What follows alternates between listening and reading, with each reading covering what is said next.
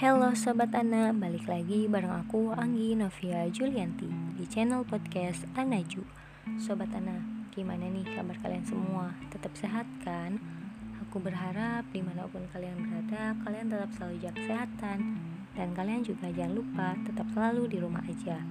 Oh iya Sobat Ana, pada episode kali ini aku akan membahas tentang pendalaman administrasi penyuluhan Pendalaman administrasi penyuluhan ini merupakan materi terakhir dari pembahasan mata kuliah administrasi penyuluhan. Oke, langsung aja kita ke pembahasan yang pertama, yaitu tentang profesi penyuluh agama. Profesi merupakan pekerjaan yang menuntut kualifikasi dan kompetensi tertentu sesuai tugas pokoknya Maksud dari kualifikasi di sini adalah pendidikan formal, sedangkan kompetensi adalah kemampuan dalam menjalankan peranannya masing-masing. Nah, perlu kalian ketahui bahwa penyuluh agama itu merupakan profesi di mana profesi penyuluh agama itu dinaungi oleh Kementerian Agama.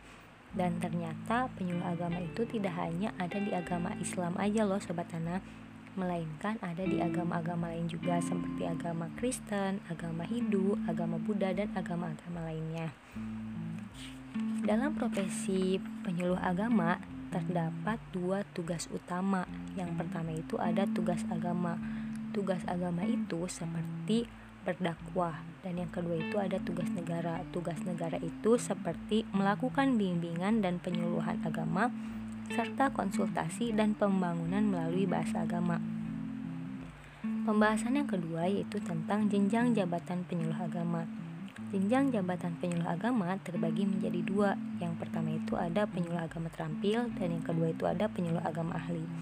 Penyuluh agama terampil dibagi lagi menjadi tiga. Yang pertama itu ada penyuluh agama pelaksana, yang kedua itu ada penyuluh agama pelaksana lanjutan, dan yang ketiga itu ada penyuluh agama penyelia. Sama halnya dengan penyuluh agama terampil, penyuluh agama ahli juga dibagi menjadi tiga. Yang pertama itu ada penyuluh agama pertama, yang kedua itu ada penyuluh agama muda, dan yang ketiga itu ada penyuluh agama madya. Pembahasan yang ketiga yaitu tentang hambatan penyuluh agama.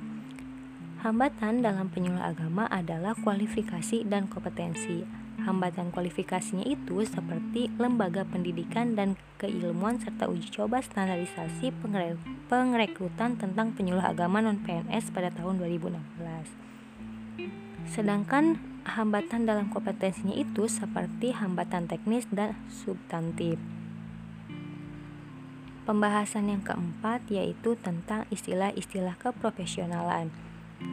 Istilah-istilah keprofesionalan ini dibagi menjadi empat. Yang pertama itu ada profesional, yang kedua ada profesionalisme, yang ketiga ada profesionalitas, dan yang terakhir itu ada profesionalisasi.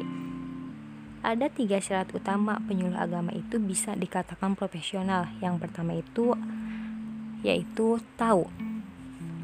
Tahu di sini maksudnya adalah seorang penyuluh agama tahu apa yang akan disampaikan kepada masyarakat yang tentunya sesuai dengan masyarakat tersebut. Dan yang kedua itu mau, di mana penyuluh agama itu mau melakukan penyuluhan kepada masyarakat yang membutuhkan. Dan yang terakhir itu ada mampu.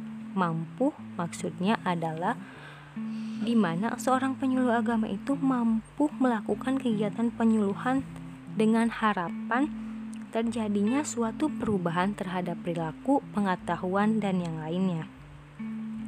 Pembahasan yang kelima yaitu tentang tugas, peran, dan fungsi penyuluh agama. Tugas seorang penyuluh agama itu seperti bimbingan agama, penyuluh agama, konsultasi atau arahan agama, dan pembangunan dengan bahasa agama. Peranan seorang penyuluh agama itu seperti komunikator dan edukator, fasilitator, motivator, inisiator, stabilisator, dan yang lainnya. Sedangkan fungsi dari penyuluh agama itu adalah sebagai informatif dan edukatif, konsultatif, dan advokatif. Pembahasan yang terakhir yaitu tentang teknik evaluasi penyuluh agama. Nah, Teknik evaluasi penyuluh agama ini memiliki cara pengambilan datanya itu seperti kuesioner atau angket, wawancara, pengamatan, dan evaluasi partisipatif. Dalam uh, evaluasi penyuluh agama terdapat tiga evaluasi. Yang pertama itu ada evaluasi program, di mana evaluasi program ini merupakan penilaian terhadap program bimbingan dan penyuluhan agama yang meliputi aspek-aspek administratif.